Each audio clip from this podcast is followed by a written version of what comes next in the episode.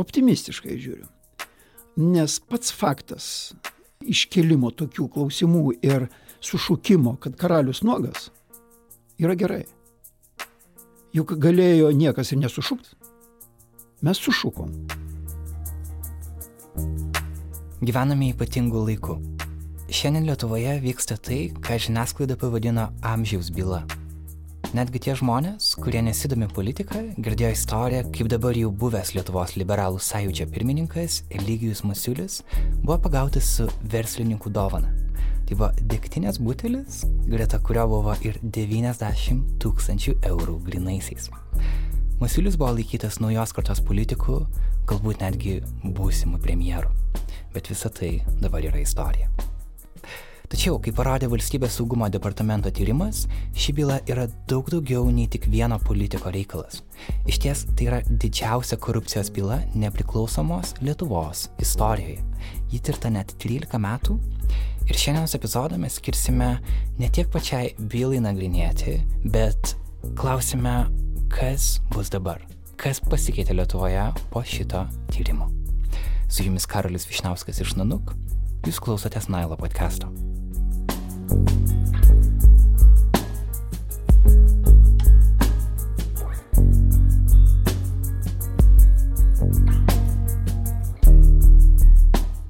Aišku, visą laiką tas truputėlį yra tokio baimės momento, kad o gal čia yra dar didesnis žaidimas ir čia dar vyksta susidorojimas kažkieno su kažkuo ir tiesiog įviniota į tokią formą. Tai visą laiką toks nerimo tokia yra, bet norėčiau tikėti, kad visgi ne. Apie bylą kalbėjome su politologe Aine Ramonaitė, taip pat Seimo nacionalinio saugumo ir gynybos komiteto vadovu Vytautu Baku bei advokatu Edmundu Budvyčiu. Bet pirmą, pereikime per faktus. Jų yra daug, bet likite su manim. Reikia jo žinoti, norint suprasti visą kontekstą. Taigi, šiuo metu kaltinimai pareikšti koncernui MG Baltic, kuris yra viena didžiausių verslo grupių Lietuvoje. Jiems priklauso LNK televizija, statybų bendrovė MG Valda, taip pat aprangos grupė, kuriai savo ruoštų priklauso visas Lietuvoje esančios Zara, Berška, Pull&Bear ir visas kitas drabužių parduotuvės. Taip pat MG Baltic gamina alkoholinius gėrimus, stumbras, alita, šie vardai yra jų kontrolėje. Koncerno pelnas per metus siekia 28 milijonus eurų. Saugumo pažyma sako, kad koncernas siekia neteisėtai paveikti politikus. Šie veiksmai, anot jų, yra vertinti kaip keliantys grėsmę Lietuvos saugumui. O šitą istoriją yra ypač svarbi, kad pažymai implikuoja, jog Lietuvos liberalų sąjūdis buvo ne nepriklausoma partija, o tiesiog MG Baltic politinis projektas, atskaitingas ne rinkėjams, o būtent šitai verslo grupiai.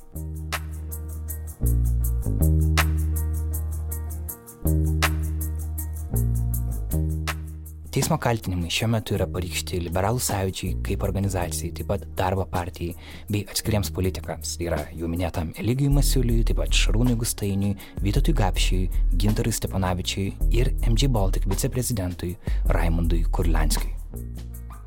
Bylos proceso metu apklausta daugiau nei 150 asmenų, tarp kurių yra daugiau nei 50 Seimo narių šios ar buvusios kadencijų. Įtariama, kad į MG Baltic voratinklį buvo įtraukta ir valstybinė mokesčių inspekcija, generalinė prokuratūra, konkurencijos taryba, Lietuvos geležinkeliai, daug kitų valstybinių vienetų. Pati saugumo pažyma yra vieša, ją galima rasti Seimo puslapyje, taip pat Delfi 15 minučių yra parengę daug medžiagų, kur ta pažyma yra cituojama. Visa tai žmonėms yra prieinama, tad galima išsamei perskaityti ne tik ką, bet ir kaip politikai tarėsi su verslininkais. Ir tai yra tekstai, kurių tu nesitikė. Jie yra pilni kiksmažodžių, necituosiu jų dabar, bet verta jiems skirti laiko, norint susipažinti, kokia yra Lietuvos politinė ir verslo kultūra, kada ji yra ne prie žurnalistų kameras, o kada tai vyksta vienas ant vieno. Nuorodas tiek į pažymą, tiek į straipsnis pridėsime NLLT tinklalapyje greta įrašo, jeigu norėsite lysti į tai giliau. Šią temą inicijavo fotožurnalistas, vienas nanukį kuriejų Artūras Morozovas, tad prieš perėdami prie pašnekovų, aš norėjau pasikalbėti su pačiu Artūru, kodėl jam ši tema yra svarbi.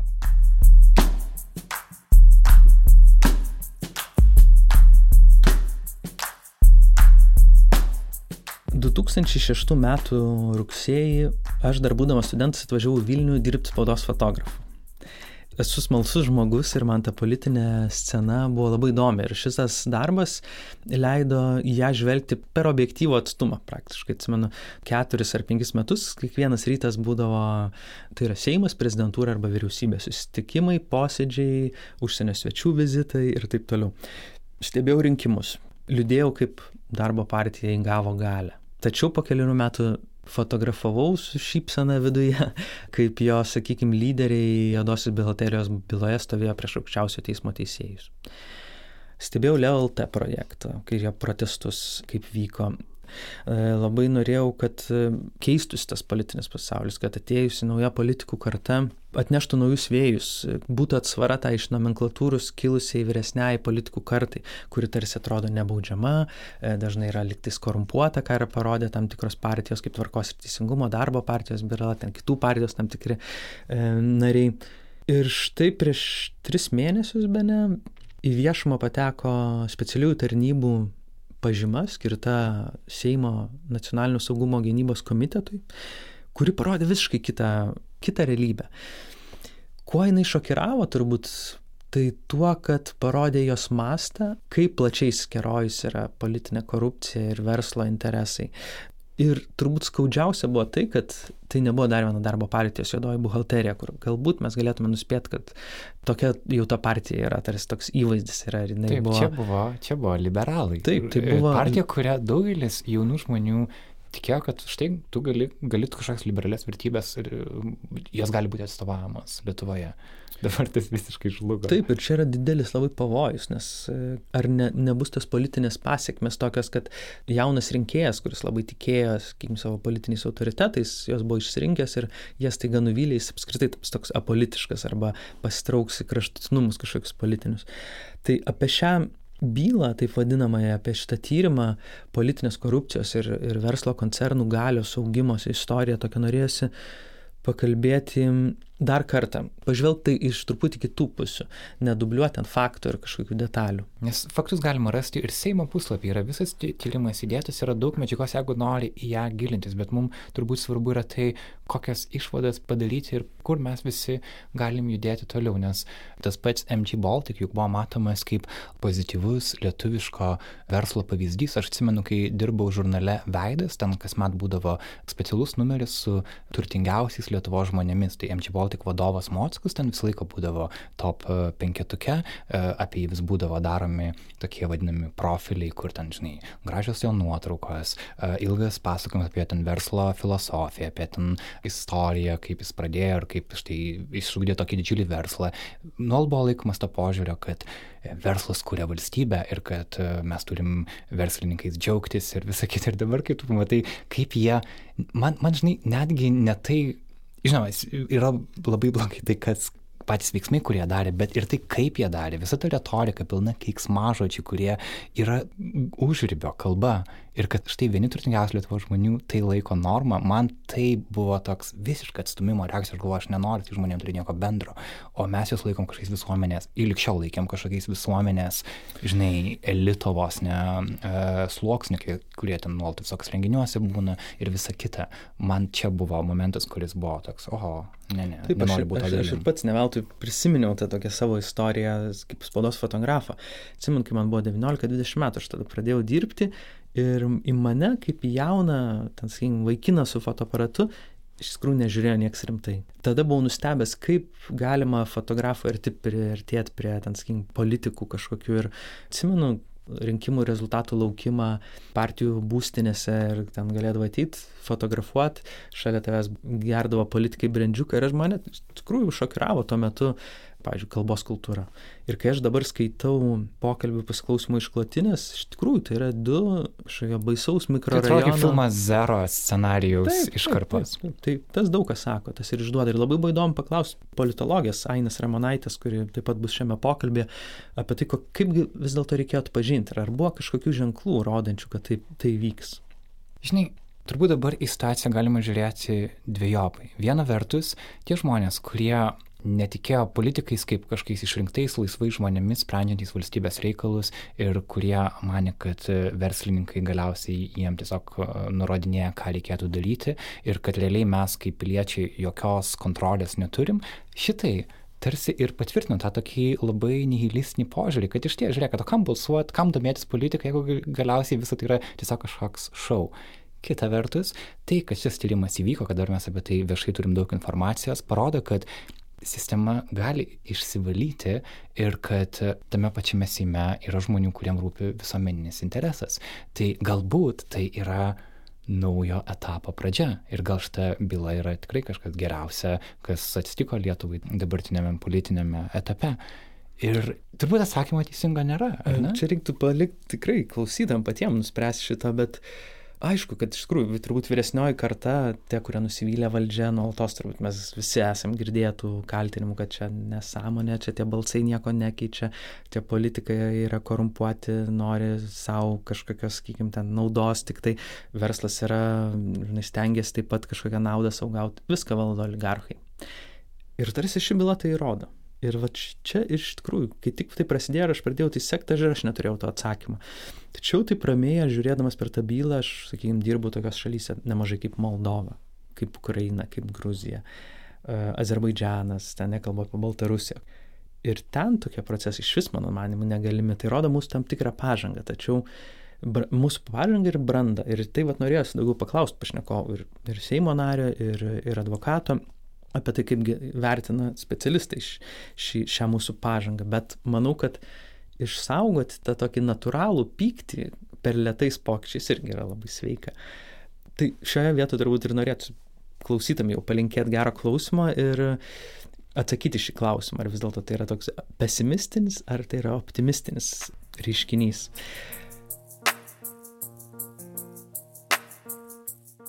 Pirma dalis Aš ir pats balsavau už liberalus. Vytautas Bakas yra Seimo nacionalinio saugumo ir gynybos komiteto vadovas. Jis tapo žmogumi visuomeniai kalbančiu apie tyrimą ir jo svarbą. Sustikome su juo ilgam pokalbiui ir čia pateikiame svarbiausias jo ištraukas.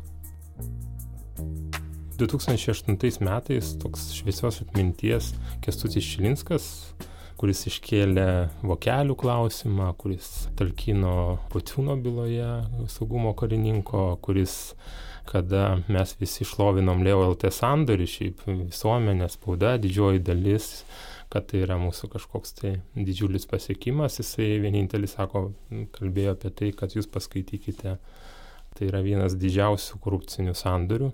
Ir jis tuo metu pasakė, kad Seimas 2008 metais tapo kriminalizuota institucija svarbiausi valstybės gyvenimo sprendimai primami ne Seime ir net ne vyriausybė, o privačiuose kabinetuose.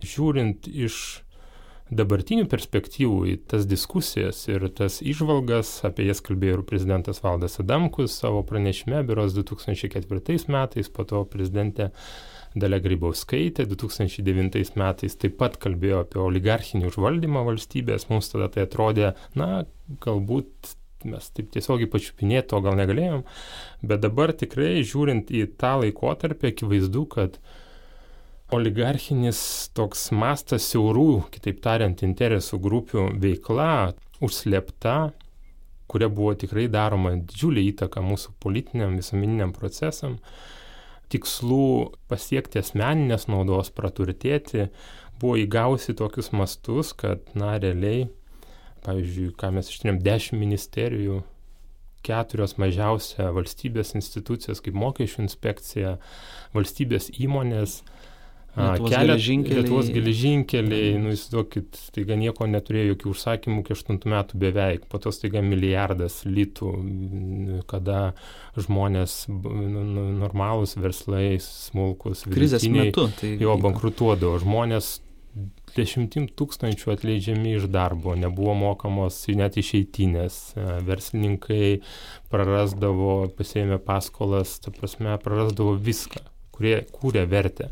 Ir štai ateina interesų grupė, kuri e, turėjo didžiulį įtaką teisės saugai, žiniasklaidai, tame tarp ir valdė kai kurias žiniasklaidos priemonės, kuri turėjo ryšius politinėje sistemoje ir ne vienoje partijoje ir tie, kas giliau paskaitė nu, prisivers arba išdrys arba skirs laiko mūsų išvadų paskaitimui, pamatys, kad tai ne vienos partijos klausimas.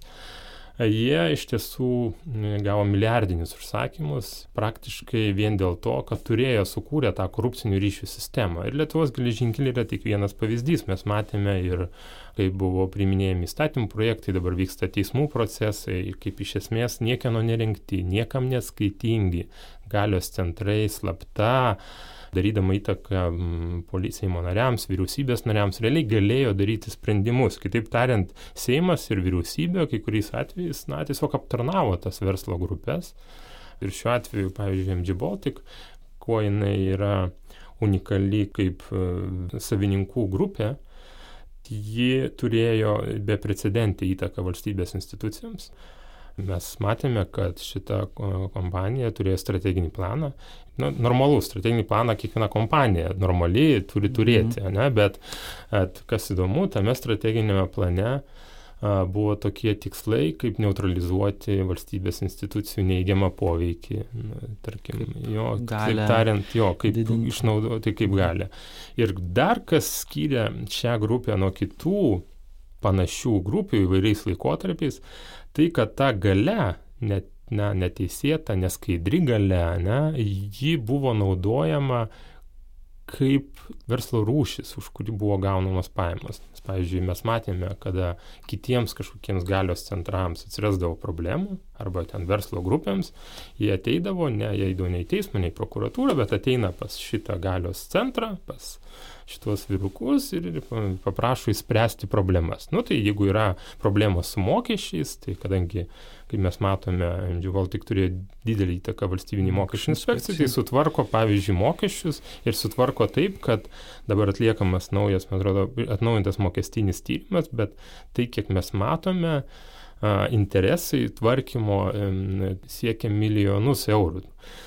Tai iš tiesų tokia sistema, kada jinai, e, reiškia, nuo 2002 metų buvo sukurta, ji pradeda keisti realiai valstybės institucijas, jį pradeda aptarnauti save, tampa verslu, aptarna, teikiant paslaugas kitiems e, galios centrams. Na ir tai mes jau kalbam nebe apie valstybę. Tiesiog reikia tokius darinius stabdyti, nes jiems, tiesąkant, viešas interesas ir mūsų viešas visų gyvenimas nerūpi dažnas klausimas, kuriuos sulaukiu, negi nieks nieko apie tai nežinojo. Taip žinojo ir taip veikia. Jeigu vat, grįžti, sakysim, pastaruosius penkerius metus, tai jeigu stebėti prezidentūros vaidmenį, tai jūs matyt sutiksite su manim, kad šiandien teisme nagrinėjama MG Baltic byla neištirta ne, ne, ne per vieną savaitę ar per mėnesį. Taip tam e, buvo reikalinga ir tam tikras pasiryžimas teisės saugos įstaigų, prokuratūros. Pats tyrimas ir žvalgybinis, ir iki teisminis tikrai buvo daromas aukštos konspiracijos sąlygomis. Žmonės, kurie tą tyrimą padarė, jie buvo paskirti per na, prezidentės šią kadenciją. Jeigu jūs, jeigu šiaip pasižiūrėti e, į STT vadovą, kuris buvo paskirtas prieš penkerius metus Pažiūrėkime VSD vadovais, taip pat buvo pakeistas. Pažiūrėkime generalinį prokurorą, jis buvo pakeistas ir matyti atsirado žmonės, kurie iš tiesų labai, na, teisingai suprato, kad reikia ginti valstybę, reikia ginti viešą interesą ir tarkim netgi tie pareigūnai, kurie e, duomenys rinko ir tarkim 2002 metais, jeigu mes kalbam dar Bašio istoriją apie jo kontaktus dar tais laikais su Rusijos ambasada ir žvalgybomis, tai tiesą sakant, tos e, politinės e, daugumos kontekste jie buvo drąsų žmonės. Mes turėjome pareigūnų, kuriems tikrai lenkiu galvą kurie nepaisant to, jog galbūt niekada jų informacija nebūtų realizuota, jie nepaisant to dirbo savo darbą ir tikėjo tuo, ką daro, nors jie galėjo pasiekti. Tikėjimas turbūt ir vedė dešimt metų tai atlikti. Nes, nes man teko kalbėti vienam prieimime, mes priejo pareigūnas vienos specialiosios tarnybos ir aš mačiau jo tokį susijaudinimą, jis sako, aš na, niekada netikėjau, kad uh, kada nors tai, ką aš dariau, bus politinė darbo atvarkė šitas visas e, tyrimas turbūt atskleidė dar ir tokį kitą pavojų didžiulį. Tai yra, tai yra ypač jauno žmogaus, jauno rinkėjo, kuris buvo net ir liberalų ar konservatorių rinkėjas, kur net, žinau, savo aplinkoje žmonės ten persiregistravo iš e, kito miesto į Vilnių, kad galėtų balsuoti už jiem patinkantį mhm. merą. Ėjo į ambasadas ten savo šalyse, kur, sakykime, yra migravę ir mokosi e, balsuoti už, už, už tą partiją, kurie tiki Ir vis dėlto tai įvyko toks nusivylimas. Visi mes augom, mano karta turbūt su ta mantra tokia nusivylusių žmonių, kad politikai korumpuoti, valdžia šalį valdo galingieji, oligarchai. Ir tarsi šis tyrimas tai patvirtina. Ir iš tikrųjų manau, kad tai yra labai pavojinga ir iš vienos pusės baisu, kad tai yra tapo faktu, nebenuojauta faktu. Ir baisu, kad daugybė žmonių, sakykime, atrastų tos, netrastų tos stiprybės, gal toliau tęsta savo politinį įsitraukimą Ir kaip jūs vertinat visą šitą tyrimą ir visą šitą atvejį? Ar vis dėlto tai yra optimistinis, kad šalis gali, tai, sakykime, mes kalbėjome ir apie pareigūnus, kurie vis dėlto tiek metų tyrė, tikėjo tuo, ar kad šalis yra pajėgi tai įvykdyti ir kažką keisti, ar vis dėlto tai yra kažkokia jau įsigalėjus politikų, verslo, kažkokios santykių e, schemos, kur, kur iš tikrųjų labai sunku kažką bus, būtų pakeisti ar, ar net neįmanoma. Ir vat, jūs kaip Seimo narys, matant savo kolegų darbą, matant atmosferą ten, e, taip pat bendraujant su tam tikrom institucijoms, jėgos struktūroms, sakykime, kaip jūs vertinate šitą visą optimistiškai ir kokie tie pokyčiai gali būti? Pasakysiu taip, e, kad e, aš ir pats balsavau už liberalus. Tiesą sakant, man ir pačiam buvo smūgis, kada buvo sulaikytas. Nes kai kurie liberalų darbai, to paties Šimašiaus, kai jis buvo teisingumo ministru, jie buvo pakankamai, na, stiprus. Taip, tai buvo jauno žmogaus, nesisteminio. Bet dabar kur yra problema? Mes galim kaltinti save už tai, kad mes čia asilai visi ir tame tarpe ir aš asilas, kad nesugebėjau pamatyti. Bet kita vertus turim pagalvoti, kaip nuo 2000 kokių, kada čia jie veikia, 8 metų, mes nesugebėjom atpažinti to dvigubo dugno prasme, kur įvyko problema. Aš net nebejoju, kad mums pavyks būti dar geresniais kaip šaliai. Narystė PBO rodo, kad mes esame skritai dabar esame elitinių valstybių klube ir mūsų procesai susijęs su energetinė nepriklausomybė, jie labai sudėtingi, bet mes nepaisant visko einam prieki, bet man norėtųsi to atsakymo, aš jo nežinau kol kas. Ką padaryti reikėtų, kokias išvadas iš būtent, kurios leistų mums atpažinti procesą kaip visuomenė, ne tik specialiosioms tarnyboms, kad be abejo jos turi vyk, daryti savo darbą, bet ir visuomenė, nes vis dėlto mes buvome visi apgauti savotiškai, ne, tos politinės jėgos, taip pat ir kitų politinių jėgų. Ir matyt, vienas iš labai svarbių vaidmenų tai yra, vėlgi grįžtam prie diskusijos kokybiškos čia mes kažką praleidome ir reikia pasikalbėti apie tai. Aš dabar neturiu jums atsakymų. Kas įkvepia optimizmo, kad politinė sistema jau pasikeitusi? Tai, kad tą sprendimą mes priėmėme bendrų sutarimų ir tam nereikėjo man daryti jokių kompromisų galėjo kažkas pasakyti, va, aš skaitau ten irgi kartais komentarus, kad kažką aš ten nuslėpiau, sutikau var, mainais į kažką, nieko panašaus. Visuomeniai buvo atskleista viskas, kas buvo apspręsta. Prieš tą tyrimą esu kalbėjęsis, prieš išvadų pateikimą ir su Gabrieliu Landsbergiu, ir su Aušrinė Armonaitė, ir su Rita Tamašiūnenė. Ir tema buvo pagrindinė tokia. Ar mes pajėgus keisti tradiciją, nes vieni, viena dauguma, kartu ten valstiečiai, socialdemokratai, tam reikia rimtesnių pajėgumų, kad priimti civilinį turto konfiskavimą, kad jis ne tik būtų priimtas formaliai normos, bet jos veiktų, kad jos būtų gyvos. Jo? Tam reikia labai plataus sutarimo. E, mes sutarėme, kad tai nėra vienos partijos reikalas, tai yra tam tikro politinio elito, kuris e, ateina, prisėma atsakomybę valdyti valstybę, kultūros klausimai. Ir mes sutarėme, kad tą reikia pakeisti. Tai nežinau, padėkosiu už pokalbį, no, tikiuosi kažkaip, kad įkvėpėm kitiems stiprybės nenuleist rankų ir kažkaip to optimizmo turbūt, kurio labai trūksta. Kažkaip šitas visas atvejs toks, net savo tarpę turiu žmonių, kur taip atrodo, taip, nu, nu, tokio nusivylimą pilna ir man tai atrodo, čia kaip tik, nežinau, va, ten aš dirbu Rusijoje, Ukrainoje, kokioje Moldovoje, tokie dalykai net neįmanomi ten yra ir ten, kaip matai, kaip koja kojant ten su verslu, su galingaisiais ten žengęs pats tarnybos. Čia iš tikrųjų ir buvo tiek laiko daromas nepriklausomas tyrimas, stebima. Tai man tai įkvėpia optimizmo, tai dėl to labai norėsi daugiau apie tai pakalbėti. Be abejo, mes irgi galėjom, tiesą sakant, pats komitetas neatskleisti viso to. Galėjo būti ir toks scenarius, jūs teisingai išnekat apie Ukrainą. Tiesą sakant, man ten, jo, ten 90 metai palyginus Lietuvą.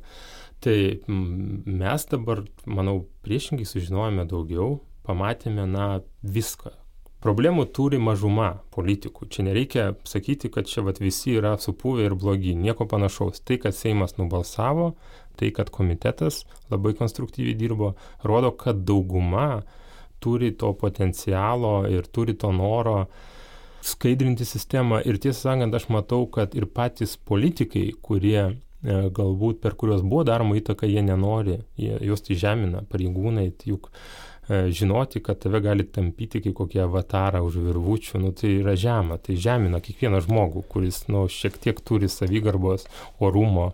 Tai aš matau, kad e, iš tikrųjų kritinė tokia nuostata yra ta, kad su priklausomybėmis, na, nesitaikstyti. Ir tiesą sakant, netgi mačiau irgi tokią nuostabą, kas galbūt irgi bus lūžis, kad daugam tas, ką mes čia parodėme, buvo netikėta. Visi mane, kad gali veikti nebaudžiami, kad nieks apie juos niekada nieko nesužinos. Čia savo teisės saugos pareigūnai lojalūs, liktai skiria institucijų vadovus, yra daugumas, kalba juk eina apie politinės daugumas. Jo.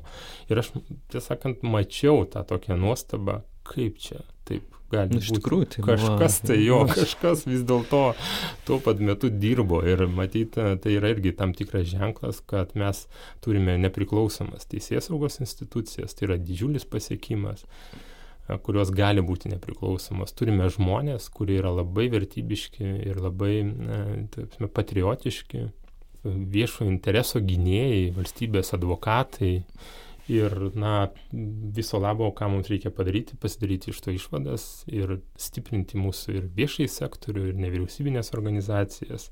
Ir jau dabar matyt na galime yra šansas a, išsivalyti ir apsivalyti. Ir arti, rinkimai artėja keli pavyzdžiui. Tai aš galvoju kad iš tiesų Lietuvos politinė sistema visuomeninio gyvenimo sistema laukia lyderių laukia žmonių kurie pasiryžę gal paukoti savo m, mm, tokį e, komfortą, nes vis tiek politika tai yra, kaip dažnai sako, vat, mes ieškojame ministrų kandidatų e, į ministrus.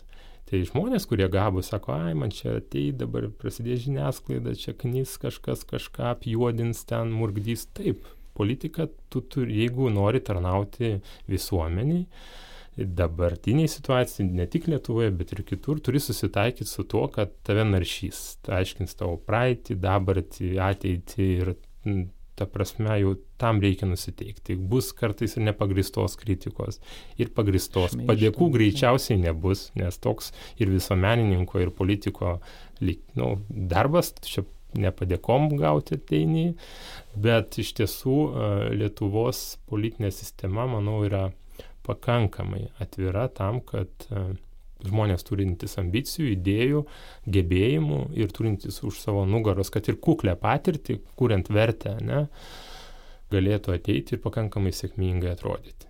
Ir keisti patys gyvenimą, kurioje. Ir turbūt pati didžiausia prabanga, ką tai gali pasiūlyti, yra, kad jaunas žmogus gali prisidėti prie pokyčių. Vienareikšmiškai.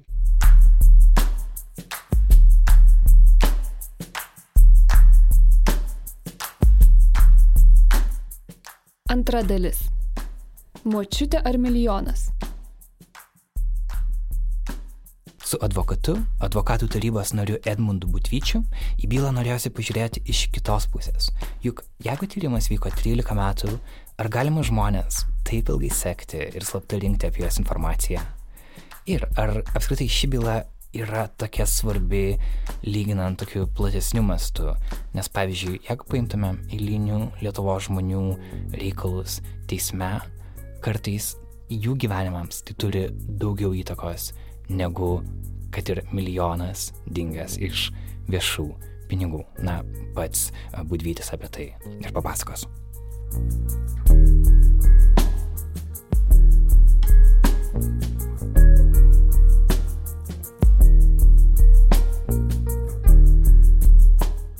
Paviešinti buvo valstybės saugumo departamento tyrimo sėkimo e, daugybė išklotinių ir duomenų ir vis dėlto daug kas visuomeniai klausė ir man atrodo neabejotinai kėlė ne, nebereikalo kėlė tokį klausimą, kad dešimt metų buvo sekama, fiksuojamas nusikalstamos veikos, tačiau kažkodėl dabar tai iškilo. Ir kodėl, E- kaip pat iš teisinės pusės, kodėl vis dėlto mes matom prieš kažkiek metų darytas teisinės veikas ir tuo metu jos nebuvo stabdomos. Pasakysiu taip. Atitinkami įstatymai reguliuoja visą šitą e, pasiklausimo galimybės, e, kriminalinės e, žvalgybos operacijas. Niekas nekalba apie tai, ar jos buvo tinkamai formalizuotos. Visi mato tą dešimt metų. O ten yra galima per atitinkamus terminus, atitinkamiems terminams duoti sankcijas, sakykime, pasiklausimui, Tam tikram laikui. kitam sėkimui, tar tik tam tikram Ir laikui. dar atsiprašau, o kas turi, kaip tas yra duodamas, su, suteikiamas? E, teisėjas. šalia- Teismas. Teismas duoda, taip. Ir dabar reikia matyti visas faktinės aplinkybės, kaip tos procedūros buvo formalizuotos. Sunku patikėti, kad visas dešimt metų buvo formalizuota. Tinkamai. Nu, kažkaip tai sunku. Bet čia jau mes tada turėtumėm pradėti vertinti mm, konkrečią medžiagą, o kaip mes sakėm, ją vertinti galima tik sistemiškai išanalizavus. Aš sakau, kad taip yra nustatyta tvarka, kaip tas e, procedūras galima daryti. Ar tai buvo daryta? Mes šiandien su tamsta nematom, nežinom ir ne mūsų kompetencijoje tai vertinti. Šiandien bylą yra perskaitę prokurorai, įtariamieji ir jų advokatai. Nu ir, ir, ir prižimokim, kad jau yra spėję perskaityti teisėjai. Tai va čia yra ratas asmenų, kurie pagal savo funkcijas ir kompetenciją šiandien yra susipažinę su bylos medžiaga. Ir kurie iš savo pozicijų duos tos bylos įvertinimą. Tada dar, dar grįžtant prie tos pirmos klausimo dalies, kodėl vis dėlto mes nes- nematėm tą tiek laiko, nežinau, iš prokuratūros, iš kažko tam tikrų iniciatyvų užkardytas veikas, jeigu jos buvo užfiksuotos. Kurios veikos? Kad e, verslo struktūros siekia savo palankesnių įstatymų. O jeigu viso šito jie būtų siekę oficialių lobistų pagalba, mes neturėtume jokios problemos. Taip, visiškai kitaip tai atrodytų. Tų pačių įstatymų, dėl kurių dabar tariamai, kaip sako, buvo duodami kyšiai politikams, jeigu visa šita būtų tų įstatymų reikalingumą, naudingumą e, mūsų visuomeniniams santykiams būtų į Seimūnus, būtų įtikinę oficialūs lobistai, kas tai būtų? Tai būtų įstatymų leidybos procesas. Ar tie įstatymai sėkmingi ar nesėkmingi, ar mūsų visuomeniniams santykiams naudingi ar nedaudingi, nenaudingi, kitas klausimas. Bet čia įstatymai, bet, sakykime, šitoje byloje figūruoja ir ten valstybinės įmonės, kaip mokesčių inspekcija, kaip Lietuvos geležinkeliai, kurie e, tuo metu ten, e, krizės metu, sakykime, ten MG Baltic e, įmonėms suteikė didžiulių užsakymų ir, ir vis dėlto tai tarsi įvyko ir gau, pelnas buvo gautas iš tų. Ir kodėl va, tai Sutinku, nebuvo? jeigu tai bus įrodyta, tai yra blogai. Aš nesakau, kad tai yra nusikaltimas, čia yra teismo funkcija. Bet jeigu tai bus įrodyta, tai blogai, be abejo. Iš kitos pozicijos žiūrint, e, man tenka susidurti su tais reiškiniais, kada, tarkim, stambiuose atsakinguose viešuosiuose pirkimuose ateina įmonės, kurios atitinka formaliuosius reikalavimus, pateikia mažiausias kainas, o nėra iš esmės dalykiškai pajėgios tuos užsakymus įvykdyti. Tai dabar e, vertinant grinai iš tokios ūkinės pozicijos, kada daro visokias priemonės, teisėtas ir neteisėtas įmonė, verslo struktūra, kuri yra pajėgi šitą viešąjį pirkimą įvykdyti. Ir sako, nu atiduokit jūs kaip nors mums tą užsakymą, mes tikrai įvykdysim. Ir matom, kad konkuruojanti į tą viešąjį pirkimą e, objektyviai nėra pajėgi tinkamai įvykdyti. Nu, tai su kuo mes susidurėm? Susidurėm su savo įstatymu ir atitinkamu reguliavimu netobulumu. Nes mes tam, kuris yra objektyviai matom nepajėgus, negalim jo pasakyti, kad tu neįvykdysi. Nes tavo praeitis rodo. O gausybė yra tokių, tokių pavyzdžių. Aš asmeniškai susidūriau, kada įmonė turi 40 bylų dėl e, savo įsipareigojimų vykdymo su skirtingais užsakovais ir vėl ateina į viešuosius pirkimus. 40 bylų dėl netinkamų sutarčių vykdymo o jis formaliai atitinka reikalavimus. Ir vėl ateina, užsijima tą poziciją mažiausia, mažiausią kainą ir turi pripažinti nugalėtoją. Nes formaliai jis atėjo, tai dabar jau trupučiuką, trupučiuką tobul, tobulinami yra viešieji pirkimai ir panašiai. Bet, o dabar mes šnekam apie dešimt metų atgal. Tai mes esam tokiam, nu, aklygatvį. Kas geriau? Aš suprantu, kad besąlygiškai įstatymus reikia gerbti. Bet jeigu mes matom, kad turim netobulus įstatymus, tai mes greičiau juos tobulinkim tada. Mes ateinam prie, prie šitos problemos. Ir čia vienareikšmiškai pasakyti, blogai, kaltas, nekaltas, čia yra labai sudėtingai, e, sistemiškai, neanalizuojant labai plataus spektro visuomeninių teisinių reiškinių turbūt šis atvejis yra išskirtinis savo daugybę labai temų, daugybę klausimų ir kiekvieną turbūt. Ko gero, jis, jis parodė mūsų apskritai ne visuomenės kažkokią tai mažą veiką, bet valstybės tobulinimo, kūrimo, statybos silpnasias vietas, ko gero. Paėmus ir, sakykime, tai politiniai sistemoje, ir ūkiniai veikloje ir panašiai. Mhm.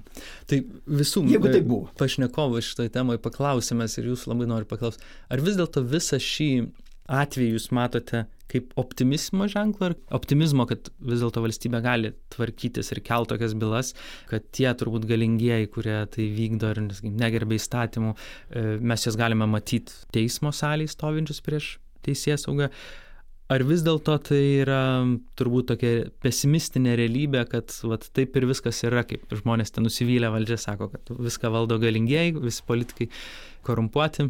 Sakykime taip, optimistiškai žiūriu. Nes pats faktas iškelimo tokių klausimų ir sušūkimo, kad karalius nuogas, yra gerai. Juk galėjo niekas ir nesušūkti, kad karalius nuogas. Mes sušukom. Kokios bus to sušukimo pasiekmes? Aš turiu minį visuomeniai, nes visuomenė laukia kraujo, taip? Ar jo bus, ar jo reikia, čia yra kitas klausimas. Bet tie, kurie pristatinėja save karaliais ir gražiais rūbais, jie jau gavo ženklą, kad stop, stop, stop, stop. Gali būti ir šitaip, kad sušuks, jog karalius nuogas. Ir aš manau, kad tada ir verslo kultūra nu, vienaip ar kitaip keisis. Aš dabar net nebejoju, kad tos pačios verslo struktūros, kurios siekia vienokių ar kitokių tikslų šičia, graužiasi nagus, kodėl šitų tikslų nesiekia legaliomis priemonėmis. Jų yra. Sakykime, įstatymų leidybai. E, lobizmas. Taip, registruoti lobistai. Užregistruoti lobistai. Ten įvairių užsakymų valstybinių gavimo prasme, nu, tinkamai pasiruoškit, tinkamai atneškit sąlygas, e, neskubėdami, laiku, ekonomiškai suskaičiuokit, pateikit. Net nebejoju, kad jūs irgi tos viešuosius pirkimus laimėsit. Puikiai suprantu, kad jūs kažkaip negalite vertinti šitos bylos, teisininkai, bet gal labiau tada pakalbėkime apie pačią tokių bylų principą, tokių formato bylų, kompleksiškų, kada yra laužomi pagrindiniai šalies statymai, įtar, galimai, e, kokios galimos tos baigtis? Pirmiausia, tai aš nenorėčiau sutikti su viena tokia viešoje erdvėje plintančia e, nuostata, kad yra rezonansinės bylos ir nerezonansinės. Taip, yra visuomeniškai labiau svarbios bylos tos, kuriuose yra pažeidžiami daug platesni santykiai. Šioje situacijoje mes kalbam apie vos ne konstitucijos sulaužimą. Dabar tarkim, jeigu močiutė, sena močiutė prie žiemą turi bulvių maišą išgyvenimui ir jį kažkas iš rūsio išnešė, ir teisėsaugos institucijos turi aiškintis ir surasti tą bulvių maišą. Čia yra močiutės gyvybės išgyvenimo klausimas tai svarbi byla ar nesvarbi? Be abejo, svarbi. Svarbi. Bet ją turbūt ir spręsti yra truputį lengviau negu tokia byla. Tai čia kada... apie techniką kalbam. Mes kalbam apie visuomeninius santykius. Ir e, kažkas kažkur nesumokėjo milijono pridėtinės vertės mokesčio. Irgi byla. Taip, ir močiutės byla, ir milijonas. E, maišas bulvių ir milijonas e, pridėtinės vertės mokesčio e, nesumokėta. Kurią reikėtų greičiau spręsti? Šiuo atveju turbūt močiutė, nes jos Va, nors iš bado. ten yra milijonas. Taip, mes galėsim, suradę močiutės maišą bulvių, galėsim ir, ir, ir atsidėję ieškoti to paties milijono, kur jis yra. Bet valstybė nuo to tuo metu nenumirs, o močiutė gali, galimai gali būti liūdnos pasiekmes, nes ji nieko kito neturėjo žiemai. Tai va tas toks skirstimas pagal sukeltą triukšmą, rezonansinės, nerezonansinės, man kaip teisininkui ir, ir, ir kartu, vadinkim, socialiai aktyviam piliečiui, nu, nepatinka. Negerai. Šitos dabar tokios bylos, nu, jos yra sudėtingos teisėsaugos institucijom savo e, daugelypiškumų santykių, kurie galimai buvo pažeisti ir kuriuos jie tyria, ir savo apimtimi. O iš tos pozicijos, sakiau, tada jos yra svarbios tuo, į kuriuos santykius su šita galimai neteisėta veika buvo pasikesinta. Nes čia mes pasikesinom faktiškai į demokratinės valdžios uzurpavimo santykius. Čia yra be abejo svarbu. Bet visų bylų turėtų būti principas irgi tas, kad nusikalstama veika, jeigu ji yra nusikalstama daroma, jos išaiškinimo neišvengiamumas. Bet kas darantis nusikaltimą turi žinoti vieną taisyklę kad neišaiškinamų nusikaltimų nėra. Yra tik tais nevykę kriminalistai ir tyrėjai, kurie galbūt nepastebi, neranda ir neužfiksuoja nusikalstamos veikos įrodymų. Čia yra laiko klausimas. Pa, paklausti tada apie valstybės atstovavimą teismuose. Ir taip pat viešumo tokia yra nuomonė, kad tarsi tokie turtingi koncernai gali prisamdyti profesionalių teisininkų, ar yra lygiavertiškos jėgos atstovauja abi pusės, sakykim, kur matome ten turtingas, sakykim, verslo koncerną, kuris gali pasirinkti ten teisininkus, kurie, sakykim, advokatus, kur, nežinau, sklandydavo tokie kalbos, kad va, čia tas va, gina ten organizuotą išmano nusikalstamumą, kaip ginčia, korumpuotus politikus ir taip toliau, sakykim, gali pasirinkti iš daugybės advokatų. Ar tos jėgos yra vienodos? Ir ar valstybė turi galimybę, sakykim, tokiomis pačiomis priemonėmis, sakykime, bilinėtis. Jūs palėtėt klausimą, kur, kur atsakymas galbūt yra labai pragmatiškas. Kada yra keliami atlyginimai e, valstybės tarnautojams, tai visuomenė piktinasi, kad jie gauna tokius ir tokius atlyginimus. Aš iš savo advokato veiklos ir, ir advokatūr, buvimo advokatūros savivaldos institucijose matau, kaip geriausi ir kvalifikuoti prokurorai meta e, tarnybą prokuratūrai ir ateina į advokatūrą. Tegul valstybė sugeba mokėti tokius atlyginimus savo institucijų darbuotojams, kad geriausi advokatai iš Išlaikyt, advokatūros eitų išlaikyt į prokurorus. Ir, ir tas, jeigu tai nėra to balanso, jis bus tada atstatytas. Kažkodėl tai iš prokuratūros, iš teismų veržiasi į advokatūrą. Tie asmenys, kurie turi patirtį ten surinkę ir panašiai. Kad advokatūrai tai yra žmonės, kurie specializuojasi savo e, advokatiniai veikloje, tai visiškai natūralu, nes jie specializuojasi, jie tampa tikrai gerais specialistais, kurie mato klaidas tyriejų, o, o, o kas nedirba, tas klaidų nedaro. Ir jie tas klaidas gaudo. Pakėlė prokurorams dabar čia atlyginimus, Vat šita vyriausybė ten. Tai koks kilogi triukšmas. O dabar, kada prokurorai kvalifikuočiausiai išeina į Ypatingai kitas į privačias institucijas, irgi kelia triukšmą. Nu, tai atsakymas į šitą klausimą yra labai pragmatiškas.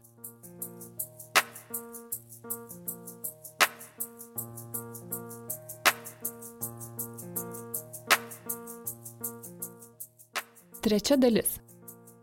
Ar vis tiek balsuoti? Politologės Vilniaus universiteto daktarės Ainės Ramonaitės nenustebina tai, kas atsitiko su liberalų sąjūdžiu. Ir vis dėlto jis sako, kad mes neturime kitos išeities. Kad net jeigu politikai nuvilia Jis sako, kad mes vis tiek turime balsuoti ir tikėtis, kad dabar bus geriau, nes taip veikia demokratinė sistema. Pokalbis politologė, trečioji ir paskutinė epizodo dalis. atvirai sakant, manęs asmeniškai kažkaip nenustebino ir taip net jaučiuosi kartais kažkaip, nei šiaip, nei taip, man klausinėja žmonės, na, kaip čia reaguoja, ką čia dabar, va.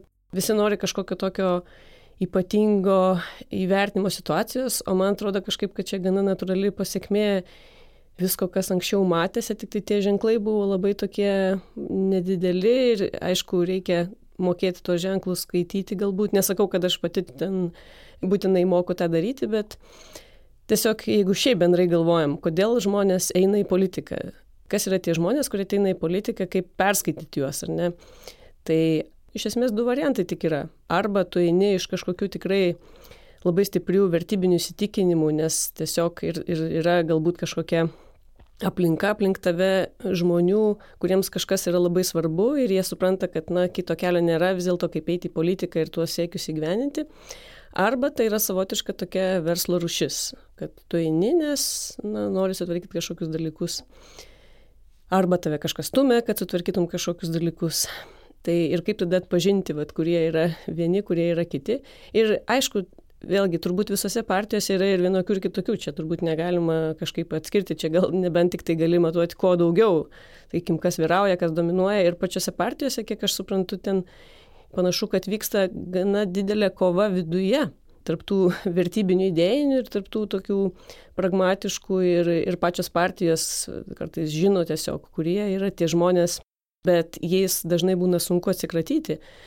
Netaip lengva paimti ir kažkaip viską nukarpyti, nes viena vertus tada tu darai žalą savo partijai, ar ne, jeigu tu, pavyzdžiui, viešai išviešini, kad čia toks ir toks, ar ne, ir kad mes jį ten išmetam ar kažką, nors yra buvę tokių atvejų, tai tada tu kažkaip irgi tarsi savo skalbinius viešai skalbi, kažkaip to nesinori, o kita vertus net būna pakankamai sunku, nes vėlgi tie, kurie yra tie sistemos žmonės, tai jie turi savo metodus, kaip kažką užtildyti ir, ir, ir panašiai. Tai tos, tos vidinės kovos jos tokios vyksta.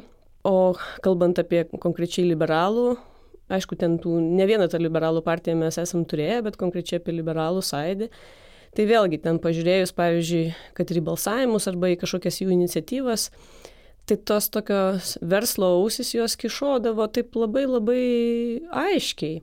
Ypač, tarkim, ten, nežinau, kad ir dėl kokio alkoholio reklamos, pavyzdžiui. Nu, jeigu yra Seimo narys prastuminėję akivaizdžiai pataisą labai, mm, sakykime, nukreiptą prieš e, kažkokius draudimus arba už liberalizavimus, ne, alkoholio reklamos. Nu, čia tik kaip pavyzdį tiesiog sakau, kuri mm, ten tiesiog pati kažkada sėdėjau tos balsavimus, e, žiūrinėjau.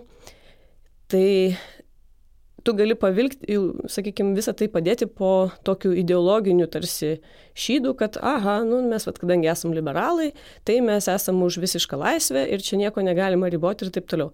Bet jeigu tu specialiai, sakykime, tokią pataisą siūlai, tai iš karto kažkaip kyla įtarimas, kad vis dėlto tu tiesiog tam tikrus interesus gini ir čia ne iš savo to liberalizmo tą darai, o tai yra tiesiog paprasčiausiai priedanga. Ir ta priedanga yra labai patogi, nes, nu, kaip ir nekaltas, nu, iš tikrųjų, nu, jeigu tu esi liberalas, tai labai liktai natūralu, ne, kad tu tuos verslo interesus gini. Aišku, mums būtų gerai, šiaip jau be tokių tyrimų net ir nėra, mums būtų gerai žinoti partijų tą tokią pradinę kilmę, nuo ko viskas prasidėjo kaip susiformavo tos kompanijos, kurios pavirsta partijom, ar ne labiausiai tai, sakykime, aiški kilmė yra galbūt socialdemokratų ir Tevinės sąjungos, tai ne vieni iš, iš komunistų partijos, kita, kitas iš, iš sąjūdžio kaip judėjimo e, sakykime, nubirėjus ten kitiems liko, liko tas pamatas. O visos kitos partijos, įsivaizduokit, kaip jos atsiranda. Reiškia, susiformuoja kažkokia tai žmonių kompanija ir sako, va, norim čia dabar būti partija, ne? Kas jūs sieja, ne?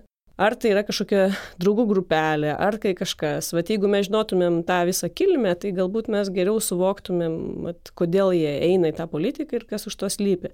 Tai... Taip pat kurti partiją turbūt yra, ypač seniau, kai dar buvo tokie liberalesni įstatymai, lengvesni, kurti partiją yra ir brangus dalykas.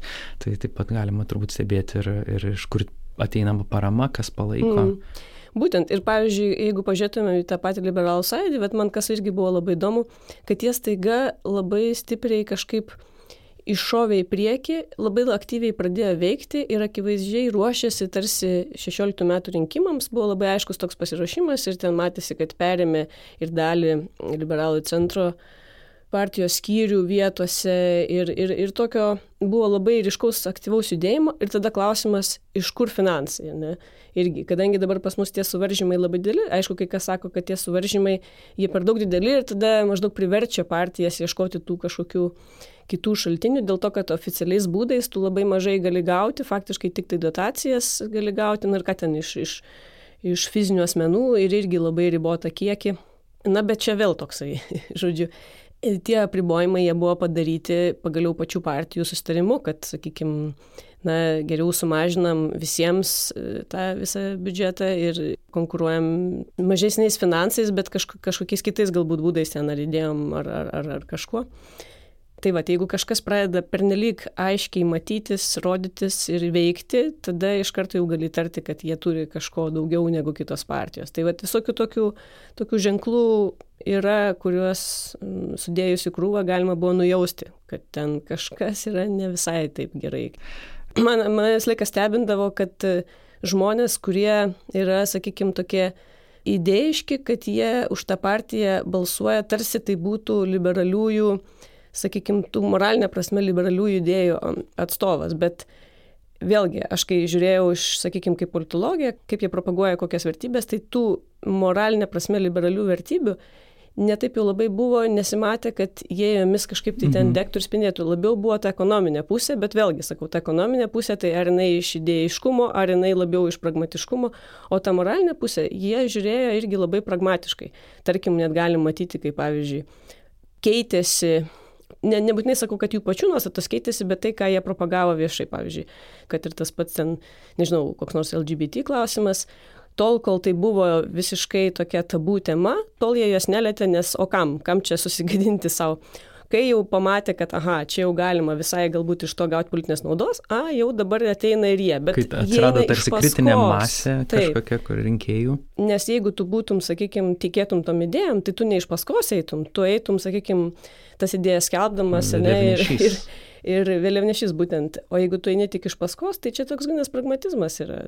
Tai mane visą laiką stebindavo, kodėl žmonės, tie, kurie save laiko liberalais, kodėl jie, žodžiu, e, balsuoja už tą partiją, nes ten to, to tokio moralinio liberalizmo man visą laiką kaip ir trūko, nors negali sakyti, aišku, pavyzdžiui, kaip e, mes ten turim padarę tą tokią kompiuterinę programėlę internetinę mano balsas.lt, kur galima pasitikrinti pažiūras. Tai, na, bent jau pastaruoju metu, sakykime, liberalų sąidžio atstovai, jie taip e, tvarkingai tą visą testą padarydavo, kad jie tvarkingai atrodydavo kaip tikri liberalai. Bet vėlgi, ar čia yra iš vidaus tas eina, ar čia yra toks išmoktas, aha, kad, nu, jeigu mes liberalai, tai dabar būkim, būkim tie tikri liberalai, laikykime ten tokių tų pozicijų. Dar norėtųsi paklausti apie pačią liberalų sąjūdį, kalbant, mes tarsi turėjom jau istorijoje tas politinių partijų kažkokias krizės, kaip, sakykime, ir ta pačia Zuoko, Artūro Zuoko liberalai, po Rubikon skandalo, vėliau da, da, darbo partija, tvarka ir teisingumas. Vienos iš jų dabar grįžta, kitos kažkaip bando dar plaukia tam po, po politiniam paviršiuje. Kaip man kokios yra galimybės liberalų sąjūdžiui kažkaip atsitiesti ir jie, ar, ar matomi ženklai, kad jie bando save kažkaip reabilituoti ir, ir turbūt, nežinau, gal įdomu būtų pasvarstyti, kokia būtų protingiausios elgsenos galimybė sugrįžti, sakykime, tą ne, nedingti iš politinio žemėlapio. Na, kaip mes visą laiką matom, net ir dabar tie, tie jų reitingai nėra tokie visai nuliniai, kaip galima būtų įsivaizduoti. Vis tiek yra tų žmonių, kurie, nepaisant visko, sako, kad balsuotų už tą partiją, bet tai daug, dažniausiai yra iš to, kad, na, o, o ne, už ką kitą, ne, kad tiesiog toks iš bėdos, kad, kadangi nėra kitų alternatyvų.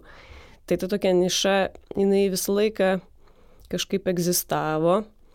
Tai klausimas tada yra, ar kažkas kitas atsiras, kuris tą nišą sugebės užpildyti, ar neatsiras. Ir jeigu neatsiras, tai galbūt ir įmanoma kažkaip surankioti tuos, sakykime, tuos likučius ir, ir, ir išgyventi. Uh, Dabar man atrodo, kad patys liberalai nelabai patys dar žino, ką čia daryti ir, ir, ir kaip čia šitoje visoje situacijoje elgtis, nes aš įsivaizduoju, kad pačiose partijose dažnai yra tie vidiniai tokie, vidinės įtampos ir galbūt patys jie nebūtinai visi žinojo, kas vyksta.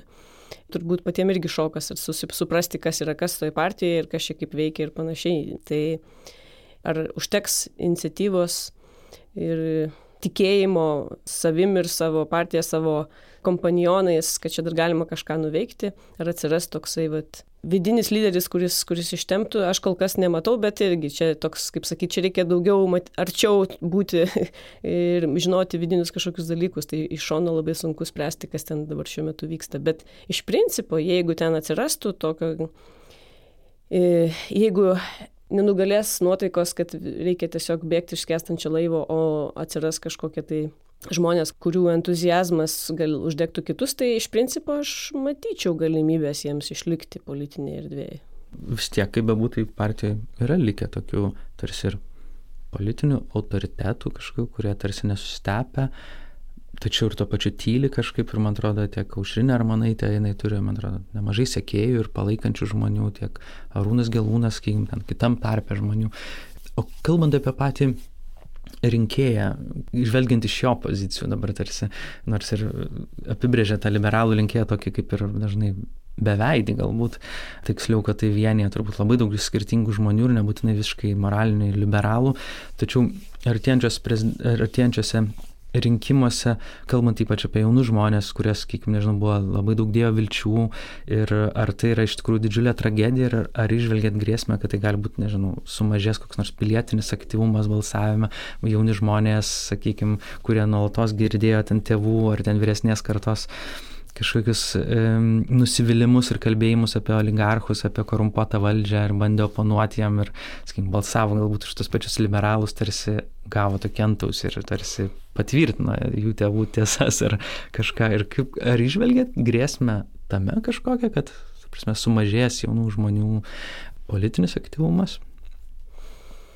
Jisai visą laiką buvo pakankamai mažas, tai nelabai daug kur yra mažėti, bet jis pastaruoju metu iš tikrųjų šiek tiek paaugęs buvo ir toks bendras susidomėjimas tikrai matėsi, kad politika tapo jau, jeigu anksčiau politika buvo toks labai nemadingas dalykas, tai dabar jau tampa lik ir tapo prieš, sakykime, 16 metų rinkimus jau kaip ir madingas ir, ir tie socialiniai tinklai, aišku, čia davė tokį galbūt gerą mm, efektą tas suaktyvėjimas labai jautėsi ir dabar, aišku, tikrai, vat, kaip sakot, klausimas toliau, kaip čia pačiam žmogui apsispręsti, ką čia visą tai reiškia ir ką dabar daryti.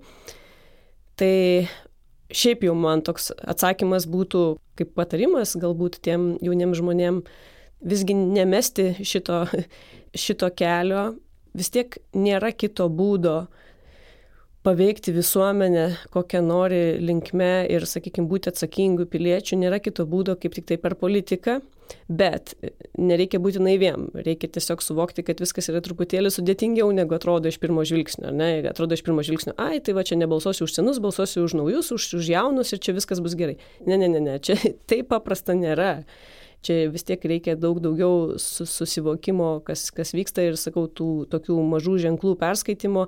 Kartais galbūt net intuicijos e, pakanka, bet vėl ta intuicija, jinai tokia, e, žmonės vadovaujasi galbūt tokiu tiesiog žiūri, ar tas politikas savo elgesiu, savo manieromis, savo kalbėseną, savo stilium, ar jis yra panašus į tave ar ne, ar jis tau kažkoks tai svetimas, ar jis tau kažkoks tai savas. Tai ta intuicija gal jinai nėra bloga, jinai, aš manau, kartais visai gerai gali padėti. Tai netgi geriau negu ten kokių programų skaitimas, nes iš tikrųjų, jeigu ten, aišku, negali prieiti per nelik arti, kad matytum, tarkim, kaip jis ten kalba, ar ne, savo privačioje erdvėje, kokį žodyną vartoja ir, ir, ir panašiai, bet pabandyti vat, iš tų ženklų kažkaip tai perskaityti ir suvokti, kad viskas yra pakankamai keblu toj politikoj ir kad reikia padėti tiem politikam, kurie bando kautis, kad ir savose partijose, kažkaip jiems reikia padėti, žodžiu, kad jie laimėtų prieš tas kitas jėgas. Čia nėra taip, kad paprasta, kad maždaug, ai, viena partija geriečių, čia kita blogiečių. Tai balsuoju už geriečius, nebalsuoju už blogiečius. Dažniausiai taip nėra, nes yra viskas taip gerokai susipinę.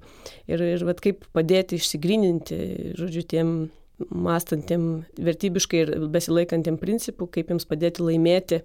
Tai čia netgi ir, sakykime, pavyzdžiui, reitingavimas, tas vidinis partijų sąrašų irgi galėtų labai padėti. Nes iš tikrųjų tas reitingavimas, jis, jis labai yra galingas. Gal, gal, gal dažnai nuvertinamas labai, bet iš tikrųjų tai gana efektyvi. Nes, nes apsu, dabargi pagal dabartinę sistemą vien tik tai žmonių balsai ir nulėmė faktiškai, kaip išsidėlioja tas sąrašas ir kurie žmonės iš sąrašo visgi patenka ar nepatenka.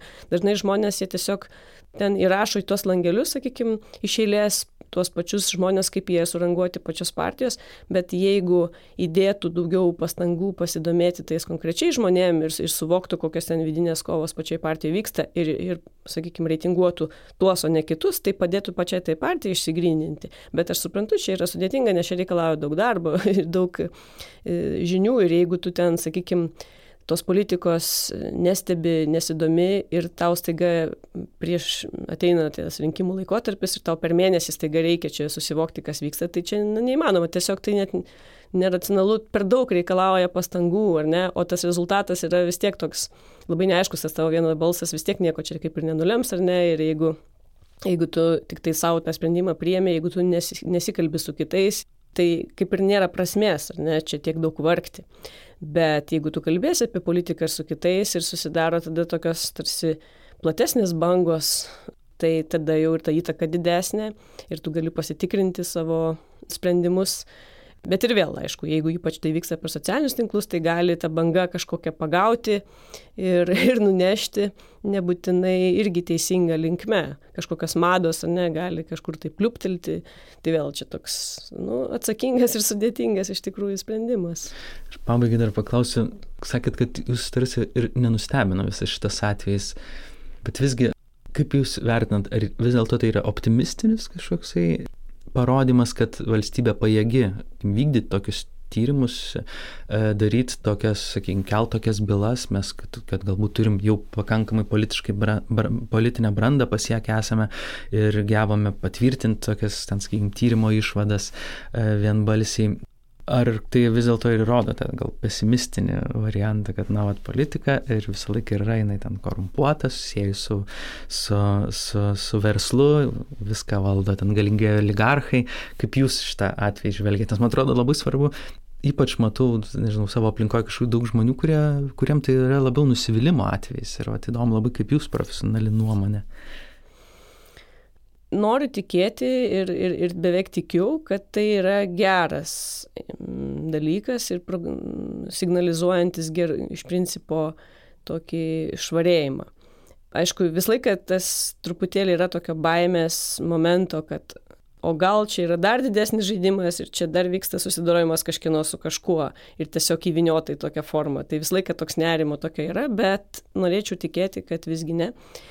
Ir iš principo sakau, nereikia to turėti tokio naivumo, įsivaizduoti, kad čia politika gali būna visur švari, čia tik mes tokie. Ne?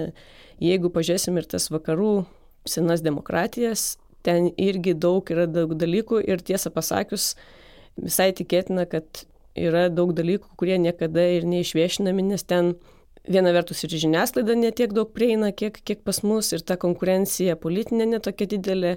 Gali būti, kad ten yra dar desnių dalykų, tiesiog jie apie tai niekada nesužinos. ir, ir čia mūsų tas valymasis, jeigu tai iš tikrųjų eis link valymosi, tai čia gali būti labai, labai pozityvu ir tiesiog esmė yra tokia, kad kaip patys politikai tą situaciją suvoks, kur yra tos leistinumo ribos ir jeigu tu žinosi, kad iš principo tokie dalykai labai neapsimoka daryti, nes kai, iš, kai išaiškės, tai bus labai labai blogai. Nes nu, žmonės yra žmonės, ne, kaip pavyzdžiui, jeigu nebūtų taisyklių už greičio viršymą, ne, bausmių, taigi vis tiek visi viršytų, ne, ar čia tas samoningumas mm. toks būna žmonių, kad va, tu darai kažką, nedarai kažko, jeigu tau niekas nestovi už, už nugaros ir neto baimės jausmo. Tai čia ir su tais politikais. Tiesiog net psichologiškai įrodyta, kad kai žmonės turi prieimą prie galios ar prie kažkokių resursų, nu ta pagunda yra labai didelė veikti kažkaip tai savanaudiškai ir tik tai pavojų sankcijų sulaiko nuo to. Tai vad jeigu čia bus labai toks aiškus ženklas, kad yra sankcijos ir jos tikrai yra labai rimtos, kad tiesiog neapsimoka eiti tokiu keliu, tai būtų labai, labai, labai naudingas dalykas iš tiesų. Toks yra podcast'o epizodas šiandien. Tinklalapyje Nile.lt pamatykite pašnekovų fotografijas ir raskite nuorodas į bylos tyrimą. Epizodą rengė Artūras Morozovas, o redagavau aš Karolis Višniauskas. Pasiruošti jam padėjo Nanuk praktikantė Indrė Puzinaitė. Garsai rašinėjo Kata Bitoft, o muziką kūrė Martinas Gailius. Pašnekovus fotografavo Mindaugas Lygotas ir Artūras Morozovas. Už studiją dėkojame mūsų partneriams nacionaliniai Martino Mašvido bibliotekai.